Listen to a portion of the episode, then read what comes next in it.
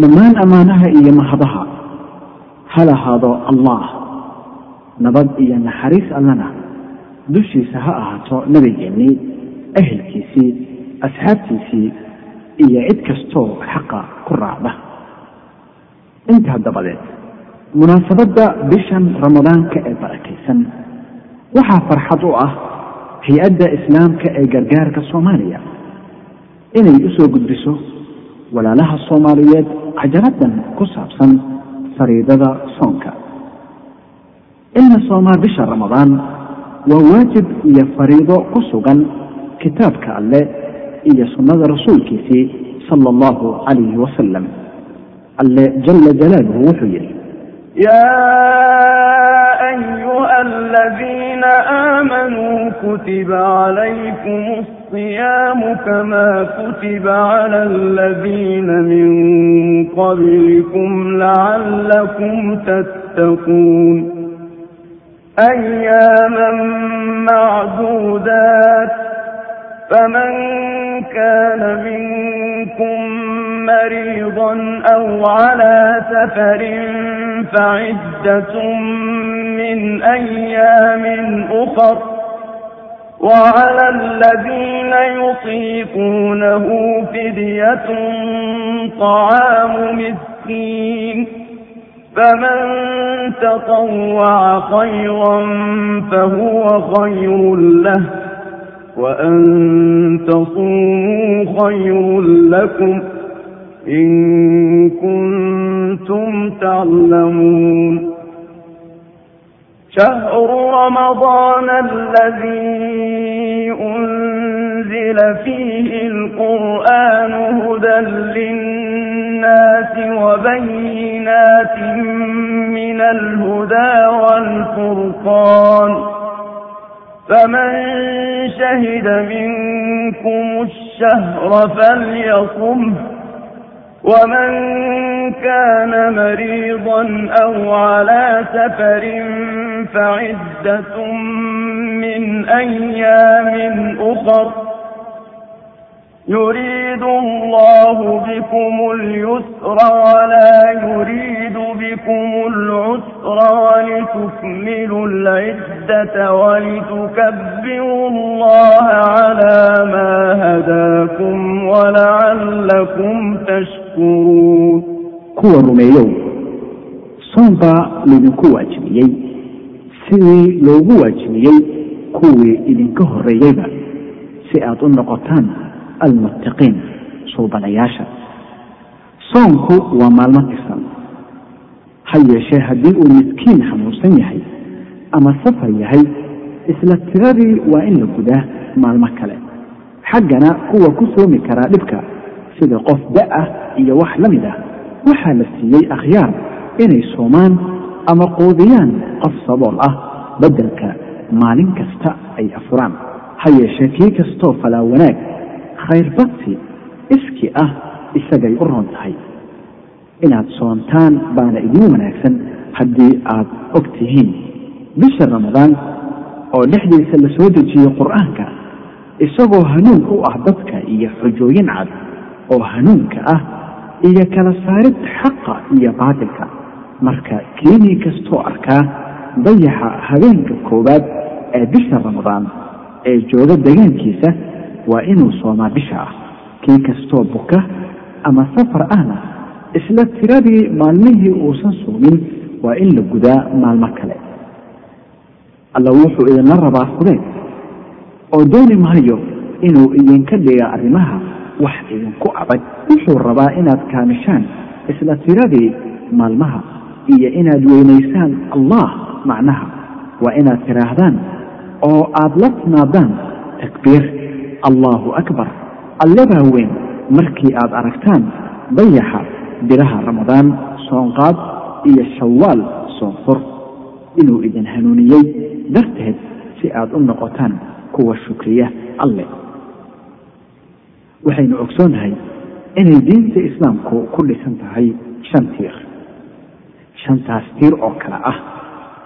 Ta koowaad waxaa weeye qofka inuu carabka kaga dhawaaqo isaga oo rumaysan ilaah mooye ilaah kaleo xaq lagu caabudaa inuusan jirin nabi maxamedna uu yahay rasuulka ilaahi waa laa ilaaha ila allah muxamadun rasuulu llah talabaadna waxaa weeye salaada waa inuu salaada tukadaa sidii uu ilaahay noo amray inuu u tukadaa ta kalena waxaa weeye inuu zakada bixiyaa ta kalena waxaa weeye inuu soomaa kalena waa inuu xajiyaa haddaba soonka wuxuu ka mid yahay siirarkaas islaamka ah ee islaamka uusan jiraynin haddii aan iyaga la helin haddaba soom macnihiisu muxuu yahay? Laba macno ayuu leeyahay. Macno waa xagga luqada carabiga ilaa kelimada soom waa carabiya macnaha kalena waxa weeye xagga sharciga ama sharciga waxa loo yaqaano soom. Macnaha koowaad xagga luqada haddaan soo qaadano soom waxaa af carabiga lagu yidhaahdaa asqab. Qofka haddii uu hadal ka aamuso wuxuu odhan karaa waxaan ka afqabsaday ama aan ka soomay hadal sidaasoo kale haddii uu raashin ka soomo wuxuu dhihi karaa waan soomanahay. Ilaahi subxaanahu watacaala wuxuu ku yihi maryam binti cimraan nabi ciise hooyadii faima tarayinna min albashari axada faqulii inii nadartu liraxmani sawma falan ukalima alyawma insiya waxaan ogsoonahay nabi ciise inuu dhashay aabba la'aan. Dadkuna waxaa caada u ah qofka bani aadamka inuusan dhalan aabbaya hooyo inuu leeyahay mooyaane sidaa aawadeed markay dhashay maryam hadalkan bay ula yimaadeen waxay ku yidhaahdeen garac baad dhashay ama wacal. Waxayna garan waayeen ilaahay subxaanahu watacaala inuu siduu doono wax u abuuro sida aabbahayna iyo hooyadayna aadam iyo xawaba uu u abuuray iyagoon aabbaya hooyo toona lahayn. Gaalada hadda joogtee kiristaankana waa kuwa yidhaahda nabi ciise waa wiilka ilaahay maxaa yeele waxay fahmi waayeen dhalashada uu dhashay isagoon aabba lahayn dadkuna markay ibtalaysan yihiin shaydaanku wuxuu ka soo galaa meel aanay filayn. Wax sahlan oo la fahmi karana waxay la noqdaan wax aan la fahmi karaynin markaasay jahada ka luntaa laakiin annagu muslimiin haddaan nahay ilaahay baa naga daaweeyey. Arrinta tan ah nabi ciise dhalashadiisii aabala-aan uu dhashay oo ilaahay baa wuxuu yidhi subxaanahu watacaala ina matala ciisa cinda allahi kamatali aadama khalaqahu min turaabin uma qaala lahu kun fayakuun ilaahay wuxuu yidhi nabi ciise hala yaabina dhalashadiisa aabala-aan dhashay wuxuu la mid yahay aadam oo ilaahayaa aadam ka abuuray dhoobo isagoon aabba hooyo toona lahayn. Markaasuu yidhi ahow markaasuu ahaaday siduu ilaahay la doonay insaan caadiya. Nabi ciisena sidaas oo kale ayuu ilaahay u abuuray oo kun ayuu ku abuuray. Waxayna la mid tahay qowlahu tacaala inamaa amruhu ida araada shayئan an yaquula lahu kun fayakuun ilaahay hadduu doono shay inuu ahaado wuxuu yidhaahdaa ahaw markaasuu ahaadaa awooddaas busda ayuu leeyahay. Marka layaab ma laha ilaahay hadduu abuuray ciise aabala-aan oo aadam iyo xawa oo bani aadamkoo idil ay ka tarmeen ayuu ilaahay abuuray aabbaya hooyo la'aan. Waana taa iyadaasa gaalada ay fahmi waayeen oo ay ku gaaloobeen ilaa iyo hadda ay nabi ciise u arkaan inuu yahay wiilkii ilaahay. Ilaahayna waa ka nasahan yaha taa iyada ah subxaanahu watacaala marka mawduucan ka hadlayna ma ahayn maryam iyo ciise ee waxay ahayd luqada in lagu yidhaahdo soom afqabsi. Munaasabada aayadda marka waxay tahay ilaahi subxaanahu watacaala oo maryam ku yidhi waxaad tidhaahdaa waxaan rabbigay u nadray ama shardi kaga galay soon oo cidna la hadli maayo maanta. Marka soonkaas ma aha soonka aynu garanayne waxaa weeye hadalka inay ka aamuso ay afqabsato. Marka soonka luqada waxaa lagu yidhaha afqabsi taasi waa xagga luqada carabiga ama macnaha koowaad ee soonka. Macnaha labaad soonka waxaa weeye xagga sharciga islaamka oo haddii la yidhaahdo soon ama aad shareecada ku aragtid soom waxaa loo jeedaa soomka aanu garanayno. Marka soomka aynu garanayno qaybo badan buu u qaybsami karaya guud ahaan wuxuu u qaybsamayaa inuu waajib yahay iyo inuu sunno yahay. Soomka waajibka waxaa ka mid a bisha ramadaan oo la soomo waana kan aynu soo sheegnay inuu ka mid yahay tiirarta islaamka uu ku dhisan yahay ee shanta ah. Waana kan aynu ka hadli doono sida badan hadduu eebba idmo. Waxaa kaloo jira soon kale oo waajiba oo qofka bani aadamka uu sabab u yahay ama isaga uu isku waajibiyey. Ka isagaa waxaa weeye soonka nadarka ama shardiga loo yaqaano qofka hadduu sharad galo uu yidhaahdo ilaahayow haddaad caafisid ama aan bogsado ama qofka iga jiran uu bogsado waxaan soomayaa intaasoo maalmood yaan liwajhi ilaahi alla daraadii u soomaya marka iyadaa waajib ayuu ku yahay inuu soomo. Waana shardiga islaamka uu ogol yahay ee ma aha sida dadkeena qaarkood ay sameeyaan in ay qabri tagaan ay sharad ka soo galaan. Taasi ma banaana sharciga waana xaaraan. Shardiga lagu ogol yahay ee keliya sharciga waxaa weeye inaad tidhaahdid ilaahayow haddii uu qofkan bogsado ama ilaahayow haddii aad carruur isiisid ama ilaahayow haddaad xoolo isiisid waxaan bixinayaa ama waxaan soomayaa intaasoo maalmood ama waxaan bixinayaa intaasoo sadaqa alla daraaddii ayaana u bixinayaa. Laazim ma aha oo xataa sunno ma aha qofka inuu sharad galo loomana baahna maxaa yeele waxaa laga yaabaa inuu hadda oofin waayo. Laakiin mar hadduu shardiga galo waxaa laga doonayaa inuu oofiyo ama waajib ayay ku tahay. Sidaasoo kale waxaa jira nooc kale oo sooma oo waajib ah oo sabab ku yimid ama sabab leh waxaa ka mid a kafaaraadka waxa la yidhaahdo maalan kafaarat ulyamiin oo kale. Qofka hadduu dhaarto wallaahi waxaa samayn maayo. Ee uu wixii uu ka dhaartay sameeyo sidan ogsoonaya waxaa ku waajiba kafaarat ulyamiin kafaaro la yidhaahdo kafaaradaasna waxay ku kooban tahay in uu addoon fureeyo ama uu maaragtay toban quudiyo raashin siiyo ama uu marasheeyo ama uu arad bixiyo. Hadduuse waayo saddexdaa midood waxaa laga doonayaa inuu saddex maalmood soomo waana kafaarada loo yaqaano kafaarat ulyamiin sidaasoo kale kafaaratu dihaar kafaaro la yidhaahdo ayaa jirta oo uu soonka ka mid yahay. Macnaheedu waxaa weeye hadduu ninka xaaskiisa ku yidhaahdo hooyadii ayaad iga tahay wuxuu sameeyey shay xaaraam ah umana banaana qofkii iyada ahayd inuu u dhowaado ama uu naagaysto inuu kafaaradii bixiyo mooyaane horta intuusan u dhowaanin. Kafaarada inuu sameeyo laga doonayana waxaa weeye inuu addoon xureeyo haddii uusan heli karin inuu laba bilood oo isku xigto soomo haddii uusan soomi karayninna waa inuu lixdan ruux quudiyaa. Waxaad dareemaysaa kafaaradan inay culus tahay maxaa yeelay hadal xun oon loo baahnayn ayuu ku dhaqaaqay sidaa aawadeed. Si uusan dadku ugu degdegin hadalka isaga ayuu ilaahay u degdegeeyey kafaaradakan culus. Sidaasoo kale soonka waajibka waxaa ka mid a soon isna gelaya kafaarada loo yaqaano kafaarat qatli khata. Ama qofka haddii uu kama u dilo qof kale isagoon u qastin isaguna waxaa ku waajiba diyadii qofkaa uu dilay haddii aanay iska cafin dadkii dhiigga lahaa. Dabcan haddii uusan qasad u dilin waxaa caawinaya dadkiisa oo keligii bixin maayo diyada marka waxaa intaa u dheer kafaaro. Kafaaradaasoo laga doonayo haddii la cafiyo iyo haddaan la cafin laba gooraba waa ku waajib kafaarada waxayna tahay in uu addoon fureeyo haddii uu waayana laba biloodoo isku xigta uu soomo. Marka intaa iyo in kaleba waxay gelayaan soonka waajibka ahay sooma koobi karayno. Qaybta labaad waxaa weeye soonka sunnada ah aad iyo aad buuna u tiro badan yahay. Waxaa ka mid a lixda maalmood ee bisha shawaal ama bisha soonfurka ee soonka ka dambaysa oo lix maalmood laga soomo waxaa ka mid a isniin kasta iyo khamiis kasta in la soomo. Waxaa ka mid a in bil kasta saddex maalmood laga soomo. Waxaa ka a in la soomo tobanka bisha xajka markii laga reebo maalinta ciidda. Dabcan ma banaana maalmaha ciidda in la soomo. Waxaa ugu sii fadli badan maalinta carafada in la soomo gaar ahaan dadka aan xajinaynin. Dadka xajinayase ma soomayaan carafa. Sida culimmadu ay u badan yihiin waxaa kaloo ka mida soonka sunnada ah in la soomo maalinta sagaalaad iyo maalinta tobanaad ee bisha muxaram bisha muxaram waa bisha soomaalida ay tidhaahdo dadka ama reemiyigu badana ay xoolahooda sekada ka bixiyaan.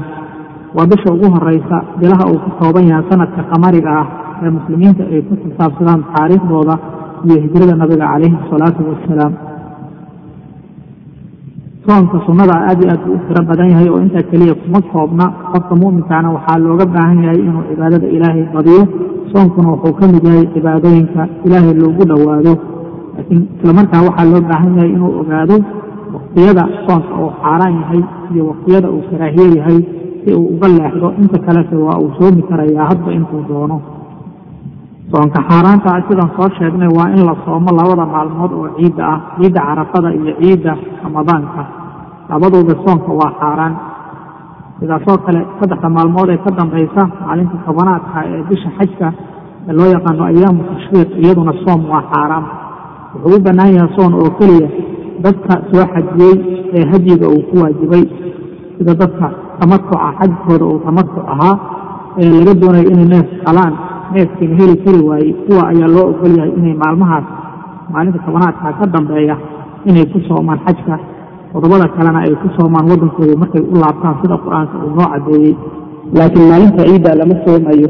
Saddexda maalmood ee ka dambaysaana looma ogola dadka aan sheegna mooye dad kale inay soomaan sidaas ayay axaadiistu caddaynaysaa oo maalmahaas waxaa weeye maalmo waxna la cuno waxna la cabo ilaahay xuskiisana la badiyo ee ma aha maalmo la soomo.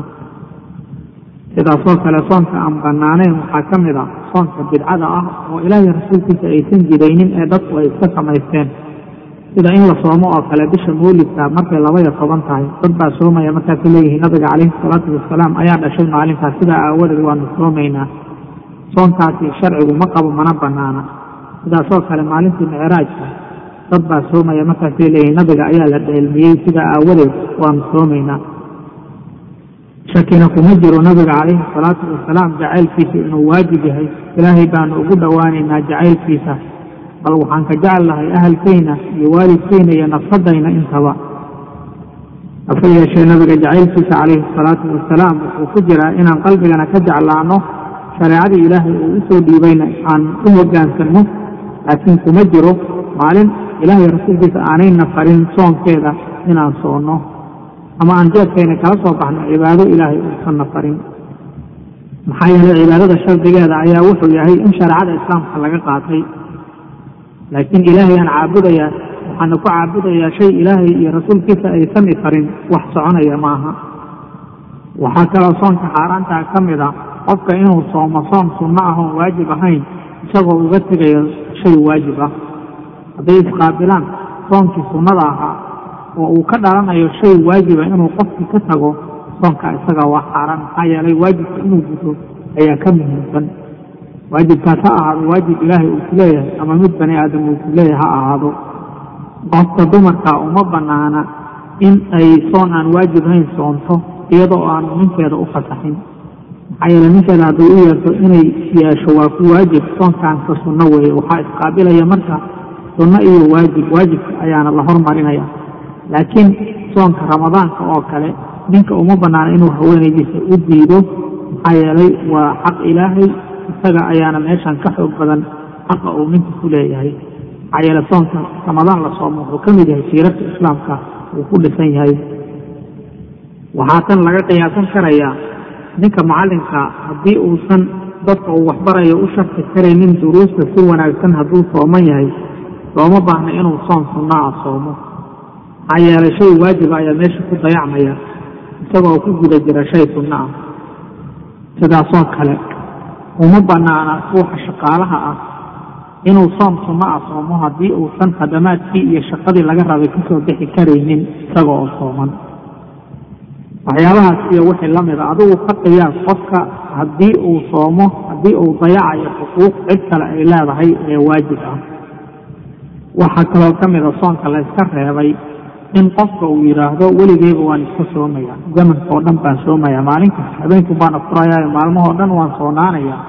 Taa lama ogolo nabiga ayaa diiday calayhi salaatu wasalaam wuxuuna yidhi qof soomay zamankoo dhan ma soomin qofkaasi waxaa kaloo ka mida soonka la yska reebay in maalinta sabtida keligeed la soomo. Haddii maalinta ka horeysay jumcada lala soomo dhib ma laha. Haddii maalinta ka dambaysay axadda lala soomona iyaduna dhib ma laha.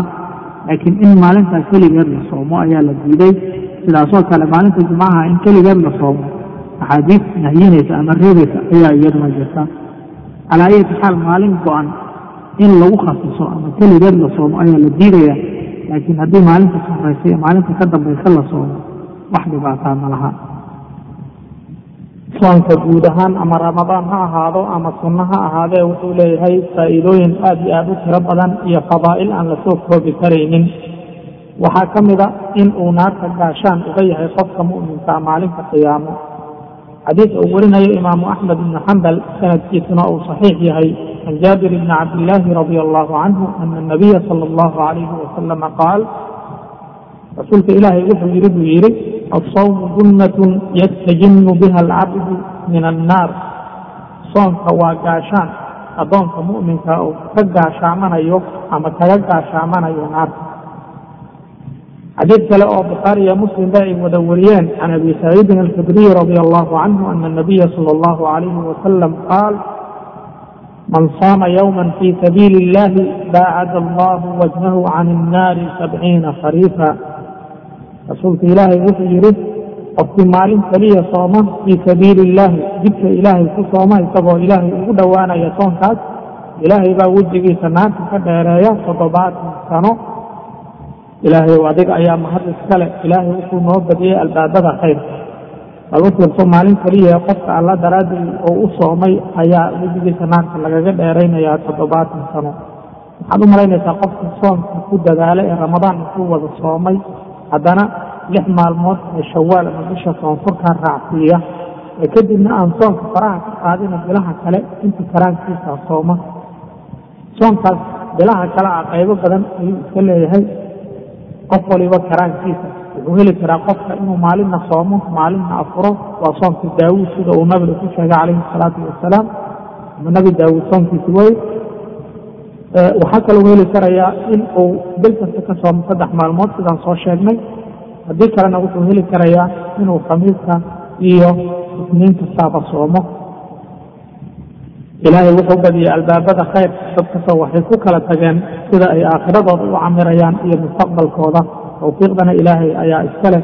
Ilaahay hana waafajiyo. Maslaxadayna sida ay ku jirto waa inaan u hoggaansanaa shareecada ilaahay taacadiisana aan u degdegnaa inta aan adduunyada ku nool nahay taasi waxay ahayd faa'iidada koowaad ee soonka oo naarta ayuu gaashaan kaga yahay qofka mu'minka ah faa'iidada labaad waxaa weeye gaashaan ayuu shahawaadka iyo waxyaabaha nafta ay jeceshahay ee xunxun ayuu gaashaan uga yahay nafta. Waxaa jira xadiid uu wariyey ibnu mascuud muttafaq calayhi ah oo bukhaari iyo muslim ay wada wariyeen. Nabiga inuu yihi calayhi salaatu wasalaam yaa macshara ashabaabi man istataaca minkum ilbaa'ata falyatazawaj fainahu agadu lilbasari waaxsanu lilfarj waman lam yastatic facalayhi bisawmi fainahu lahu wijaa nabiga calayhi salaatu wasalaam isagoo la hadlaya dhallinyarada rag iyo dumarba wuxuu yidhi shabaabkow ama dhallinyaraday qofkii adinsamidahee kari kara inuu guursado ha guursado maxaa yeelay guurka ayaa indhaha xaaraanta ka reebi og oo macnaha xalaal ayuu haystaa ma raacayo ama uma fiirfiirinayo waxyaabaha xaaraanta. Farjigana wuu xifdiyaa oo xaaraanta ayuu ka xifdiyaa. Laakiin qofkaan kari karin soonka ha ku dadaalo ha soomo maxaa yeelay soonka shahwada ayuu ka jibinayaa sida ayuu yihi nabiga calayhi salaatu wasalaam isagoo hanuuninaya shabaabka ummadiisa xilligan aanu ku nool nahay ee fasaadkiiyo macaasidii ay bateen shabaabka aad iyo aad bay ugu baahan yihiin inay ku camal falaan sunnadata nabiga calayhi salaatu wasalaam oo ay badiyaan soonka maxaa yeelay waxaa batay munkaraadkii qofka hadduuba dibadda u baxo wuxuu la kulmayaa wax sahwadiisa kiciya hadduu guriga joogana sidaas oo kale oo guryihii ayuu fasaadka soo galay. Ilaahay ha noo naxariisto faa'iidada saddexaad ee soonka waxaa weeye soonka waa jid jannada lagu tago. Nasaa-i wuxuu sanad saxiixa ku wariyey can abi umaamata radia allahu canhu annahu qaal ya rasuula allah murnii biamrin yanfacunii allahu bih qaal calayka biasiyaami fainahu laa misla lah. Saxaabiga abu umaamo la yidhaahdo ayaa nabiga ku yidhi calayhi asalaatu wasalaam rasuulka ilaahayow ifar ama ii sheeg shay haddaan sameeyo ilaahay uu igu anfaco. Nabiga wuxuu ugu jawaabay calayhi asalaatu wasalaam soonka ku dadaal maxaa yeelay wax lamida ma jiro. Macnihina waxaa weeye shay addoonka ka fogeeya cadaabka ilaahay ilaahay naxariistiisana u dhoweeya ma jiro oo la mida soonka. Haddaba meeshaas waxaa ka muuqanaya khayr aad iyo aad u weyn. Qofkii doonaya inuu mustaqbalkiisa runtaa dhiso xadiis saxiixa oo bukhaari iyo muslimba ay wariyeen uu yihi nabiga calayhi asalaatu wasalaam ina fi ljannati baaban yuqaalu lahu rayaan yadkulu minhu asaa'imuuna yowma alqiyaama laa yadkulu minhu axadu gayruhum yuqaal ayna asaa'imuun fayaquumuun laa yadkulu minhu axadu gayruhum faida dakaluu ugliq falam yadkul minhu axad wuxuu leeyahay nabiga calayhi asalaatu wasalaam jannada waxaa ku yaalla dhexdeeda albaab. Albaabkaasoo la yidhaahdo rayaan magacaas ayuu leeyahay. Waxaana ka gala albaabkaas jannada dadka saa'imiinta ah ee sooman maalinta qiyaamaha. Dadka soonka ku dadaali jiray adduunyada intay joogeen alla daraaddi u soomi jiray wey cidaan iyaga ahayna kama gasho albaabka. Waa loo yeerayaa oo waxaa la leeyahay dadkii soomi jiray aawen markaasay istaagayaan halkaasay jannada ka gelayaan cid kalena ma gelayso. Markay galaanna waa la xirayaa albaabka faa'iidada afaraad ee soonka uu leeyahay waxaa weeye soonka maalinta qiyaamaha ayuu u shafeecaa qofku soomi jiray adduunyada. Waxay warinayaan imaamu axmed ibnu xambal iyo xaakim sanad saxiixa ay ku warinayaan can cabdillaahi bni camr bni alcaas radia allahu canhuma inuu yihi nabiga calayhi asalaatu wasalaam الصيام والقرآن يشفعان للعبد يوم القيامة يقول الصيام أي رب منعته الطعام والشهوات بالنهار فشفعني فيه ويقول القرآن منعته النوم بالليل فشفعني فيه قال فيشفعان rasuulka wuxuu leeyahay calayhi asalaatu wassalaam soonka iyo qur'aankuba addoonka ayay maalinta qiyaamaha u soonka wuxuu leeyahay fadigayow waxaan ka reebay raashinka iyo shahwada maalintii ee ilaahayow shafaacadayda aqbal. Qur'aankuna wuxuu leeyahay ilaahayow waxaan ka reebay hulbada habeenkii oo salaatuleyl ayuu u taagan yahay oo qur'aankii ayuu akrinayaa weye marka ilaahayow shafaacadayda aqbal markaasuu ilaahay shafaacadooda aqbalaya. Faa'iidada shanaadee soonka waxaa weeye soonka waxaa la ysugu dhaafaa dunuubta ama dembi ayuu leeyahay xadiid saxiixa uu nabiga leeyahay calayhi asalaatu wassalaam fitnatu rajuli fii ahlihi wa maalihi wa jaarihi tukafiruha asalaatu wasiyaamu wasadaqa qofka qaladaadka yaryar ka dhaca ee ku saabsan reerkiisa ama maalkiisa tasarufaadka ama deriskiisa dhib yare uu u jeestay aan weyneyn waxaa la ysugu dhaafaa salaada iyo soonka iyo sadaqada marka soonku wuxuu noqday mid la ysugu dhaafo dunuubta yaryar oo faqaa'irka loo yaqaano faa'iidada lixaad waxaa weeye soonka wuxuu sabab u noqdaa nolol wanaagsan ee adduunye iyo nolol wanaagsan ee aakhiro.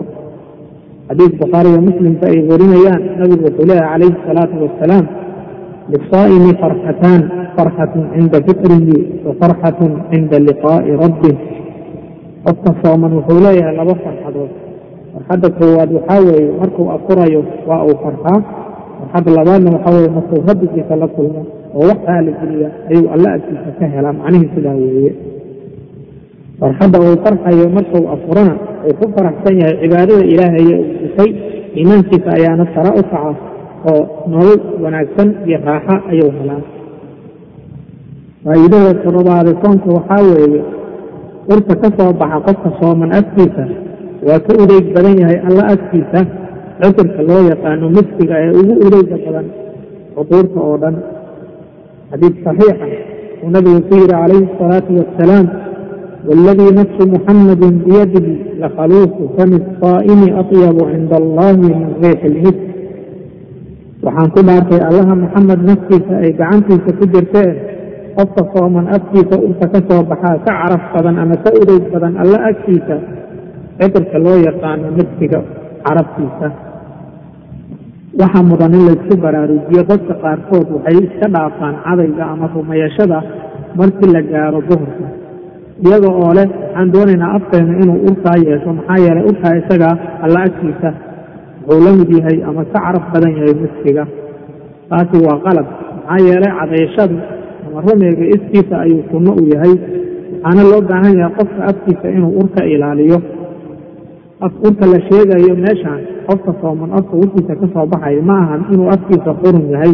Laakiin waxaa weeye caloosha gaajaysan ayuu ka soo baxayaa. Marka haddaad cadayatiriyo haddii kaleba urka waa uu soo baxaya marka waxaa loo baahan yahay in cadayga lagu dadaalo gaar ahaan waktiyada loo baahan yahay in la cadaydo sida marka la goosaysanayo oo kale marka la tukanayo iyo marka hurdada laga soo tooso qofka ha soonaada ama yowsan soonaanin waxaa loo baahan yahay inuu afkiisa nadiifiyo maxaa yeelay diintayna waxayna amraysaa nadaafadda.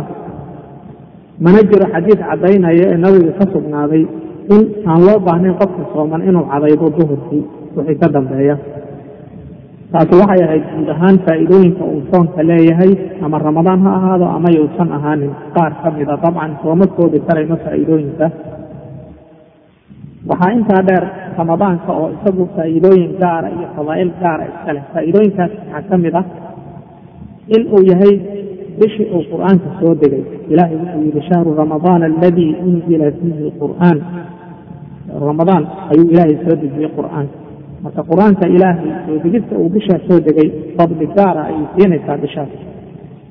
Waxaa kale oo ka mid ah ramadaanku waa bil sabr sabirka ayuu macruuf ku yahay maxaa yeelay cibaadada soonka waa cibaadooyinka ugu ad adag cibaadooyinka. Qofka inuu muxuu sabro soonka raashinkiisa iyo shahwadiisa ka sabro saacado badan aad iyo aad bay u adag tahay. Marka qofka hadduu sabro ilahay agtiisa wuxuu ku leeyahay ajir fara badan sida ilaahay subxaana watacaala uu noo sheegay inamaa yuwafa asaabiruuna ajrahum bigayri xisaab.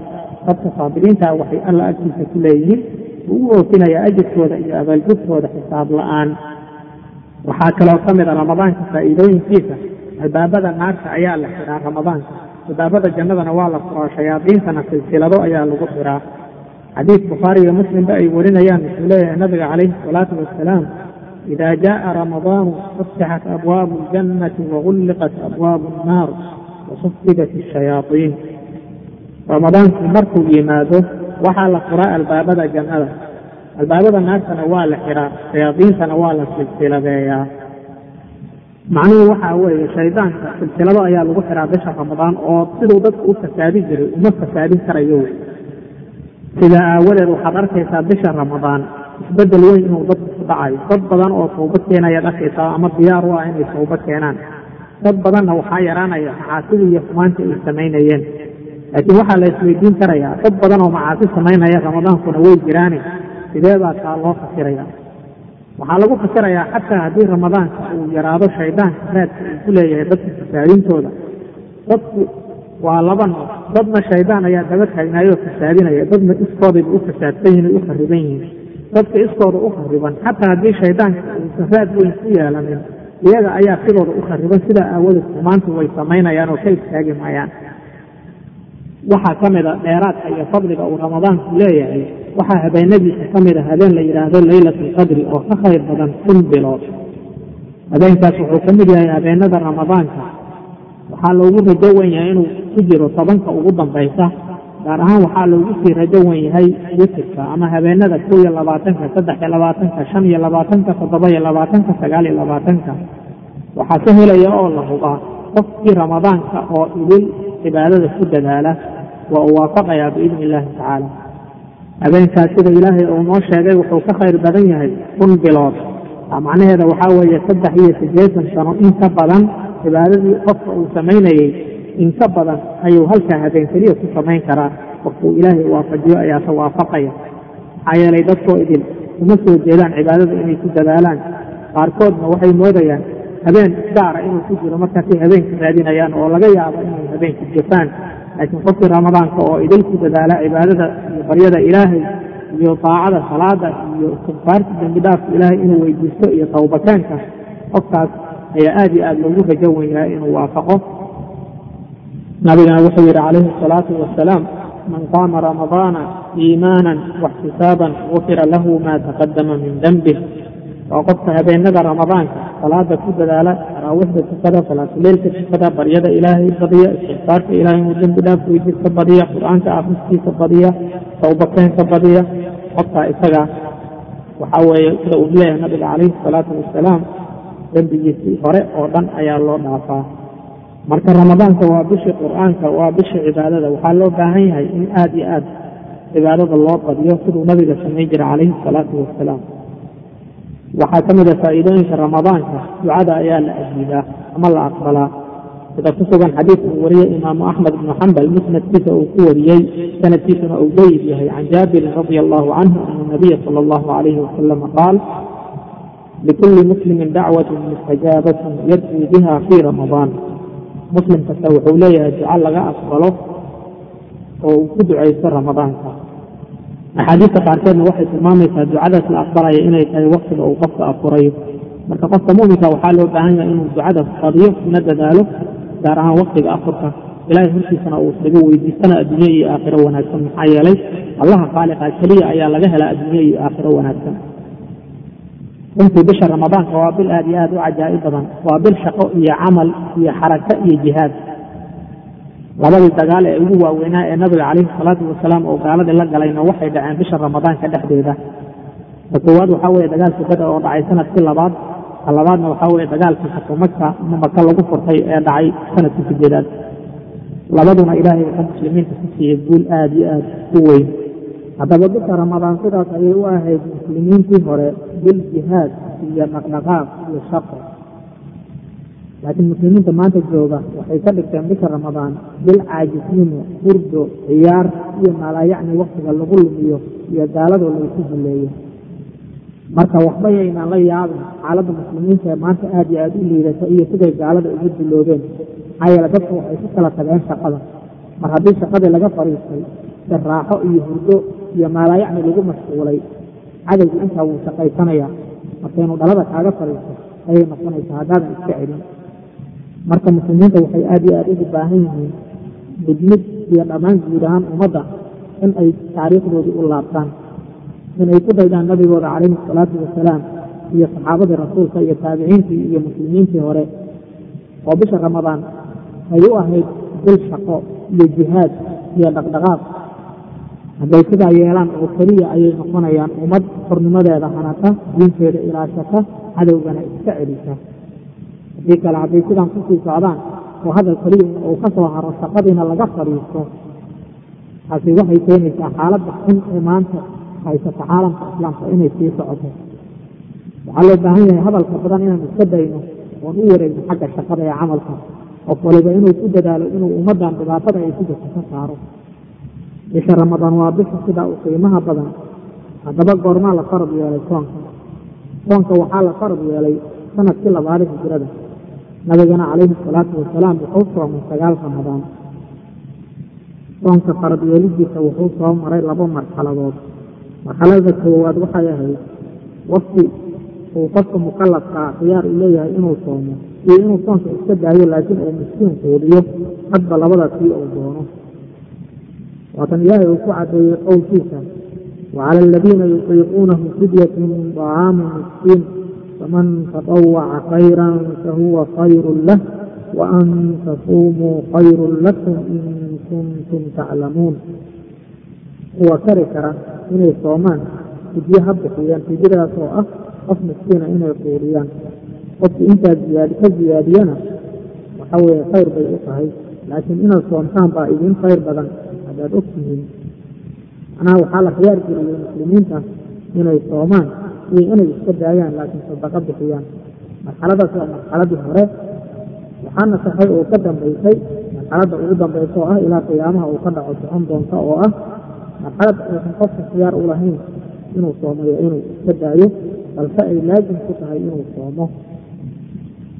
Marka marxaladatan dambe oo ah inuusan qofka khiyaar lahayn ayaa iyaduna laba u qaybsan qaybtii hore waxay ahayd muslimiinta markay afuraan waxay heli kareen inay wax iska cabaan waxna cunaan waxna jimaacaan ilaa ay salaada cishaha ka tukanayaan ama ay suhurdayaan fursadda keliya oo ay haystaan waxay tahay markay afuraan ilaa cishaha ay ka tukanayaan.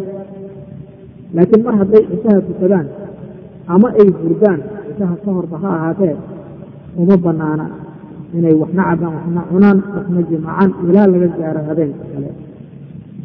Marka waxay ahayd marxalad adag laakiin ilaahay baa ka fududeeyey ummadda oo waa la nasakay xukun cusub ayaa soo degay oo ilaahay uu ku cadaynayo subxaanahu watacaala inay muslimiinta u bannaan tahay inay waxna cunaan waxna cabaan waxna jimaacaan ilaa subaxda laga gaarayo.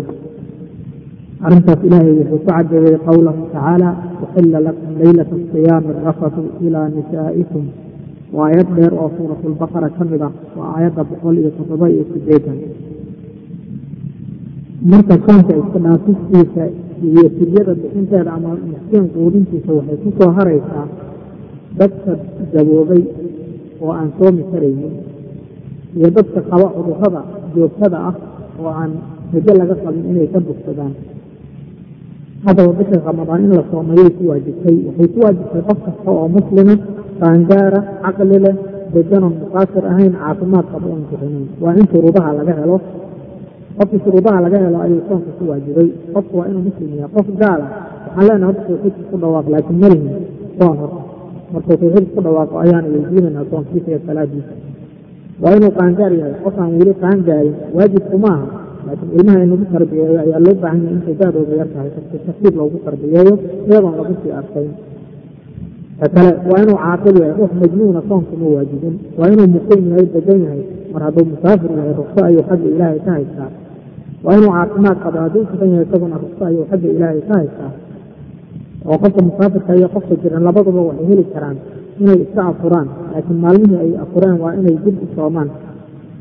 Waatan ilaahay uu leeyahay subxaanahu wa tacaala waman kaana mariidan aw calaa safarin faciddatun min ayaamin ukhar yuriidu allahu bikum اlyusra walaa yuriidu bikum اlcusr qofki musaafira ama jiran ha tiriyo maalmaha uu ka afuray ramadaanka ee dib ha u soomo ilaahay fudayd ayuu idinla doonayaaye colays idinla dooni maayo sidaasuu ilaahay subxaanahu watacaala waxaa kaloo shuruudaha soonka ka mid a qofka dumarkaa inaysan qabin xayd iyo nisaas midna laakiin hadday xayd qabto ama intay markaa umusay aanay weli ka daahir noqon.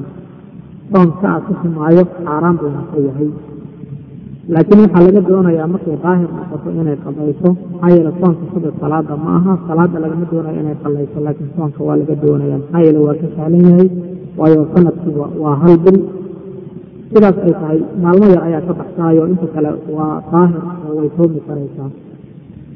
Laakiin salaada qallaynteeda way ku adkaanaysaa waayo maalin walba shan salaadood weeye waana soo noqnoqonaysaa bil kastaaba waxay noqonaysaa dhowr maalmood inay qallayso marka way adagta sidaa aawadeed ilaahi subxaana watacaala isaga ayaa garanaya addoomihiisa isaga ayaan u naxariis badan sidaa aawadeed kuma waajibin inay qallayso salaada laakiin inay qallayso soonka waa lagu waajibiyey maxaa yeele waa ka sahlan yahay.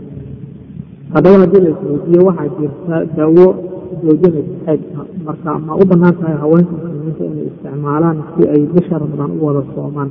Waa su'aal badanaba la isweydiiyo laakiin waxay u baahan tahay jawaabteeda in dhowr arrimood la eego waa arrinta ugu horeysa ee waxaa suuragala inay dhibaato ka timaado dhiigga joojintiisa maxaa yeelay shay ilaahay uu ku beeray si dumarkaa oo dabeeciya weeye marka joojinta inuu dhib ka yimaadaa dhici karaysa haddiise la fasaxo sida culamada qaarkood ay leeyihiin in haweenka ay dawada isticmaalaan oo qaybka isaga joojiyaan waxay noqonaysaa in daktar arrimaha aqoon gaara ule lagala tashado inkastoo haddana ay dhici karto in cilmiga fidiga ilaa iyo hadda uusan heer fiican ka gaarin dhibaatada ka iman karaysa dhiigga joojintiisa maxaa yeelay cilmigakan iska sii kordhaya cilmiga baniaadamkan waa iska yaryahay sida ilaahay uu leeyahay wamaa uutiitum min alcilmi ilaa qaliilan. Cilmiga in yar unbaa la idinka siiya sidaa aawadeed waxaa soo saartay dhakhaatiirtu ay ku tirinayaan in meel sare laga gaaray ama aanay shakiba ka qabin muddo kadib wixii isbedelo ay leeyihiin wixii qalad ay marka xagga caafimaadka aawadeed waxaa habboon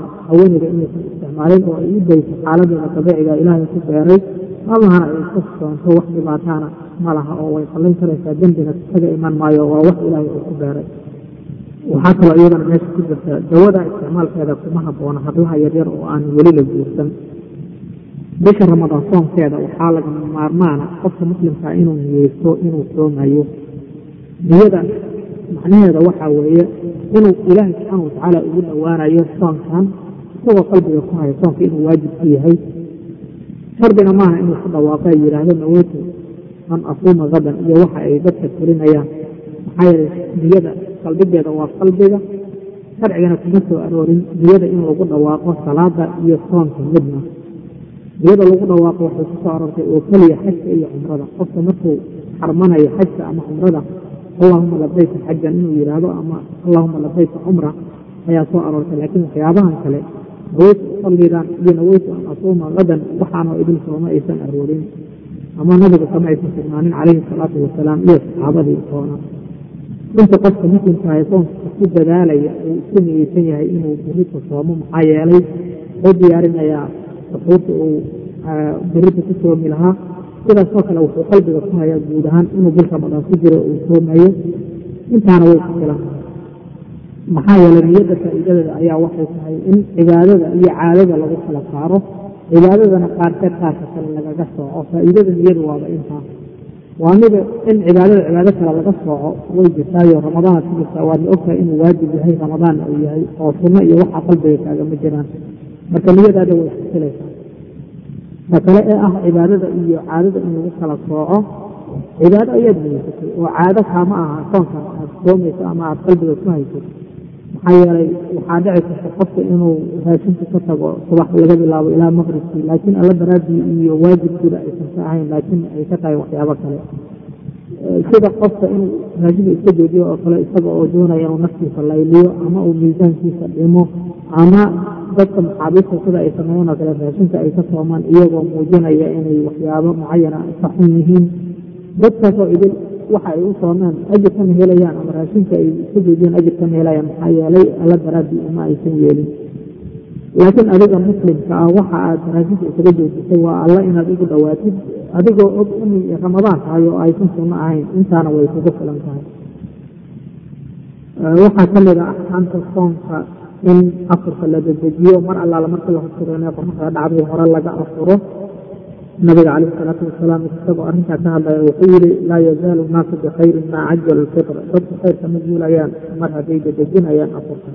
Dedejinta waxaa loo jeedaa markii la husuro qoraxda inay dhacdo laakiin intaanay dhicin meesha kuma jirto.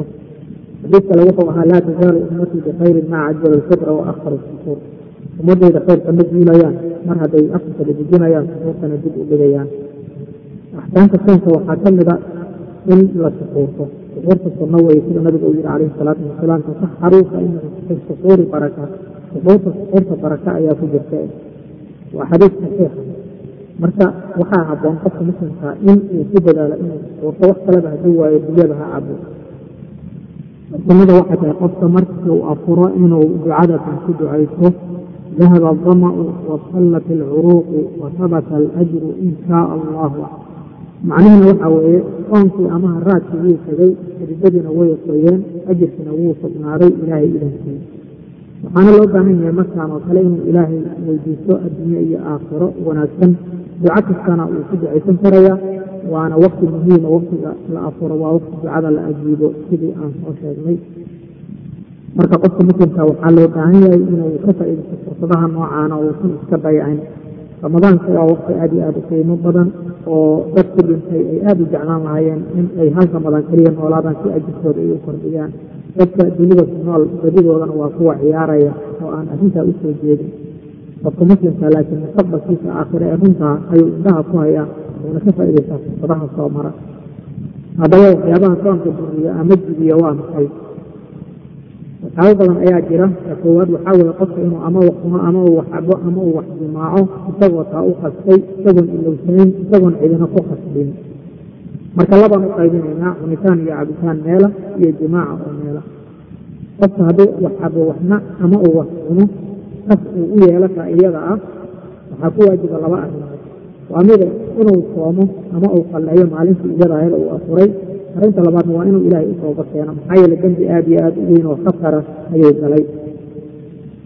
Haddii uu jimaac yahay oo sidaas qasidka uu u yeelay waxaa ku waajiba afar shay.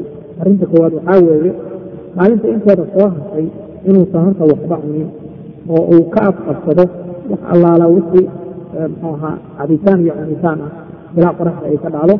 Arrinta labaadna waxaa weeye inuu ilaahay u tooba keeno maxaa yeele dembi weyn ayuu galay arrinta saddexaadna waxaa weeye inuu qalleeyo maalintii bedelkeedii arrinta afaraadna waxaa weeye in uu kafaaro bixiyo. Kafaaradaas waxaa weeye inuu addoon xureeyo hadduusan helaynin inuu laba biloodoo isku kasta soomo hadduu waayana inuu lixdan miskiin quudiyo intaasoo idil hadduu kari waayana kafaarada way ka dhacaysaa. Arrinta labaad soonka jibinaysa waxaa weeye inuu qofka kas u marsado ama kas isu hunqaayo dhowr xaala ayay ku noqon kartaa. Inuu kasisa afka geliyo ama shay uu afka geliyo ilaa uu mantago uu qaskataa iyada haddii kale inuu ursoodo shay hadduu ursado uu ku mantagi jiray iyo wixii la mid ah. Haddii arrimaha uu ku dhaqaaqo waxaa ku waajiba qofka inuu maalintii qalleeyo bedelkeedii. Laakiin qofka haddii uu mantaga ka qaalib noqdo isaga ismantagin laakiin uu iska yimaado qofka isaga asoonkiisa waa saxiix wax laga dooni maayo nabigu wuxuu yihi calayhi الsalaatu wasalaam man istaqaa'a caamidan falyaqdi waman daracahu lqayb falaa qada'a calayh qofkii ismantajiya ha qalleeyo laakiin qofkuu ka adkaado mantaga qallan laga dooni maayo xadiidka saxiix weeye waxaana warinaya abu daawuud iyo tirmidi. Arrinta saddexaadee soonka jibinaysa waxaa weeye xayd iyo nifaas inuu ku dhaco qofka dumarka iyada oo sooman soonkeeda waa uu jabaya caaisha waxay tiri radia allahu canha iyadoo arrintaa ka hadlaysa kaana yusiibunaa dalika fanu'maru biqadaa'i asawmi walaa nu'maru biqadaa'i asalaa arrintaa ayaana asuudi jirtay macnaha khayr ayaa nagu dhici jiray weeye. Markaasaa layna amri jiray. Nabigana fari jiray weeye inaan qalayno soonka laakiin laynama fari jirin salaada inaan qalayno. Haddaad aragtid qof biyo ku dhacay ee u baahan in la badbaadiyo waad badbaadinaysaa maalintaasna waad qalaynaysaa wax dhibaataana ma laha qofka hadduu ama waxaba ama uu wax cuno isaga oo ka jaahila shaygaa isaga inuu ku afurayo in kale aan kala garanayn ama lagu khasbay ama ilowsan. Soonkiisa waa saxiix wax dhibaataana ma laha. Xadiis saxiix oo bukhaariga muslim ay wariyeen wuxuu yihi nabiga calayhi asalaatu wasalaam man nasiya wahuwa saa'imu faakala aw shariba falyutima sawmahu fainamaa adcamahu allahu wasaqaah qofki waxaba ama wax cuno isagoo ilowsan soonkiisa ha dhammaystiro maxaa yeelay ilaahay baa quudiyey oo waraabiyey. Laakiin waxaa loo baahan yahay? Qofka hadduu xusuusto isagoo afkiisa wax ku jiraan inuu hore ka tuso ee ma aha inuu liqo waxa afkiisa ku jira. Sidaasoo kale qofka hadduu arko qof sooman oo wax cunaya waa inuu baraarujiyaa maxaa yeelay waxay ka mid tahay alamru bilmacruuf wannahyi can ilmunkar ilaahayna wuxuu yihi subxaanahu watacaala watacaawanuu cala albiri waataqwa isu kaalmaysta wanaagga iyo samafalka iyo alla kacabsiga qofka hadduu u janaabo ama isagay haweenaydiisa ay wada ciyaaraan habeenka ramadaanka ee uu waaga ku baryo iyagoon weli qabaysan wax dhibaata ma laha oo marka kadib ayay qabaysanayaan. Macnaha waxaa weeye haddii ay niyeystaan soonka iyagoon weli qabaysan wax dhibaata ma laha. Waxaa daran in ay markii waaga baryo kadib wax sameeyaan waxaa kaloo ka mid a waxyaalaha soonka jebiya inuu qofka manidiisa soo saaro taabasho iyo dhunkasho iyo gacan wuxuu doonaba ha soo saaro. Laakiin hadday iskeeda u soo baxdo uusan shaqo isaga kulahayn ama uusan sababta lahayn ama isagoo hurdo ay ka soo baxdo wax dhibaataa ma laha. Soonkiisuna waa saxiix waxaa kaloo ka mida waxyaabaha soonka jibiya in uu isticmaalo qofka irbadaha qofka ka caawisa xagga nafaqada ee uu qofka kaga kaasbami karayo cabitaanka iyo cunitaanka qofka sooman waxaa la doonayaa inuusan xeel dheeraanin luqluqashada iyo sandaarsiga maxaa yeele waxaa laga yaabaa inuu biyo ku cararaan sidaa aawadeed nabiga calayhi salaatu wasalaam wuxuuna faray in aan ku xeel dheeraano sandaarsiga iyo luqluqashada inaan soomannahay mooyaane. Dadka qaarkood waxay ka cabsadaan inay sufsadaan ama kareem ay ismariyaan iyo in ay barafuunka laysku buufiyo isticmaalaan. Labaduba wax dhibaataa ma laha. Laakiin bakuurka ama kooxa ayay culamada qaarkood waxay yidhaahdaan ma habboona inuu qofka ku neefsado ama uu jiido laakiin hadduu isticmaalo wax dhibaataa ma laha laakiin wuxuu ka ilaalinaya inuu ku neefsado.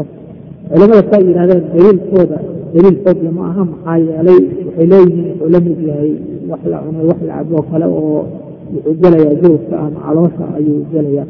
Laakiin waxay ila tahay inaanay wax daliila ku tiirsanin taa iyada qofka haddii uu xujika dhiig ka yimaado ama sangoror ama uu ilig iska riday saa dhiig uga yimaado wax dhibaato ma laha soonkiisana waa saxiix. Hase waxaa loo baahan yahay markii uu dhiigga afkiisa ka yimaado inuusan u qasdin inuu liqo waa inuu iska tufaa. Qofka dumarka haddii uu xaydka ka go-o intuusan waaga bariyin waxaa ku waajiba inay soontaa intay soon niyeysato waa inay hore ka soontaa xataa haddii ka gaarsin weyso inay qabaysato wax dhibaataa ma laha waxay qabaysanaysaa markuu waaga bariyo kadib wax dhibaataa ma laha qofka inuu qabaysto isagoo sooman ama dhar qoyan uu madaxa saarto isagoo isku qaboojinaya sidaasoo kale wax dhibaataa ma laha inuu qofka bishimihiisa ama faruuyihiisa biyo ku ooyo haddii ay qallalaan sidaasoo kale wax dhibaataa ma laha inuu dawo isticmaalo afka lagu buufiyo haddii ay neefta ku xiranto ama cudurka neefta la yidhaahdo uu qabo qofka hadduu indha fuusho ama uu dawo indhaha ku shubo ama uu dhegihiisa ku shubo wax dhibaataa ma laha xataa haddii uu dhadhankeeda ka helo afkiisa sidaasoo kale waxaan id lahayn in uu qofka istoobo uu dhiig iska saaro ama uu tago shaybaarka oo laga qaado dhiig la doonayo in la baaro. Hadduusan dhiigga ahayn dhiig badan oo qofka awoodiisa ama xooggiisa wax u dhimi karaysa. Culamada qaarkood way diidaan toobinka iyo dhiigga in qofka laga qaado. Laakiin haddana waxaa xoog badan inaanay wax dhibaataa lahayn in qofka dhiigga laga qaado. Mar haddii uusan awooddiisa iyo quwadiisa uusan dhaawac ugan u geysanayn oo uusan daciifinaynin. Sidaasoo kale waxaan wax dhibaataa lahayn in uu qofka isticmaalo irbadaha caadiga ah la isku daweeyo oo uusan qofka ka faa'iidaysan karaynin nafaqo ama uusan kaga kaafsoomi karaynin cabitaanka iyo cunitaanka. Maxaa yeele waxaa la diidaya waxa weeye in qofka uu wax cabo ama uu wax cuno ama wax lamida uu sameeyo. Irbadaha noocaana aynu sheegaynana ma aha cabitaan iyo cunitaan lamana mid aha oo qofku kaga kaafsoomi kari maayo labadaas. Sidaa wax dhibaataa ma laha. Sidaasoo kale dhib ma laha qofka inuu dawo mariyo dhaawac jidkiisa ku yaalla dhaawacaas meel kasta ku yaallo. Culimada qaarkood aad bay ugu xeel dheeraadeen waxyaabaha soonka jibinaya oo aad bay tirada uga badiyeen laakiin badidooda wax daliila ma laha. Tusaale ahaan culimada qaarkood waxay leeyihiin qofka hadduu dhegtiisa qori ku xogo soonkiisa wuu buray laakiin wax daliila looma hayo maxaa yeelay cabitaan iyo cunitaanna ma aha lamana macno aha oo lama mid aha. Waxay dadku in badan weydiiyaan su'aal ah qofka taariku salaadka ah soonkiisa ma ansaxaya mase waa maya? Taariku salaad waa gaal sidaa aawadeed soon iyo wax kale midna kama ansaxayo maxaa yeelay gaal waxba kama ansaxaan. Waa inuu horta islaamka soo galo oo salaada tukadaa sidaas daraaddeed waxaan ugu yeerayaa dhammaan inta lagu ibtileeyey salaad la'aanta ee bisha ramadaan intay soomaan salaadana tukanaya dadka inay towba dhaba la yimaadaan ilaahay uga towba keenaan wixii hore ay go'aansadaan inay halkaa salaada ka bilaabaan iyo cibaadada dhammaanteed haddii ay sidaa yeelaan ilaahay idankii soonkooda iyo salaadooda intaba ilaahay wuu aqbalaya maxaa yeelay isaga ayaa og waxa qalbigooda ku jira. Sida aawadeed waxaan ugu yeerayaa dhammaan dadka lagu ibtileeyey salaad la'aanta in ay ilaahay u towba keenaan. Ramadaanka waa mawsim ama waqti wanaagsanoo lagu towba keeno. Waa inay ilaahay u towba keenaan salaad la'aanta ilaahay uga towba keenaan macaasida iyo dunuubta kale oo idil ilaahay uga towba keenaan halkaana ay ka bilaabaan safxad cusub ama nolol cusub oo ilaahay cibaadadiisa ay ku dadaalayaan. Sidaa hadday yeelaan ilaahay niyadooda ayuu daalacanaya salaadooda iyo soonkoodana ilaahay wuu aqbalaya ilaahayna waxaan ka baryaynaa subxaanahu watacaala muslimiinta oo dhan in uu xaqaas ku hanuuniyo mustaqbalkooda aakhirana ilaahay uu fahamsiiyo. Ilaahayna uu ka dhigo kuwa u tabaabushaysta maalinta aan laga gaboobayn oon laga dhimanayn oon laga tegayn. Waa hay'adda islaamka ee gargaarka soomaaliya oo idin leh assalaamu calaykum waraxmat ullaahi wabarakaatu waxaa laga dalban karaa mansuuraadka hay'adda islaamka ee gargaarka soomaaliya. B o box saddex saddex eber afar sagaal riyaad hal hal afar afar sideed. Telefoon iyo fax number afar shan sagaal hal labo labo lix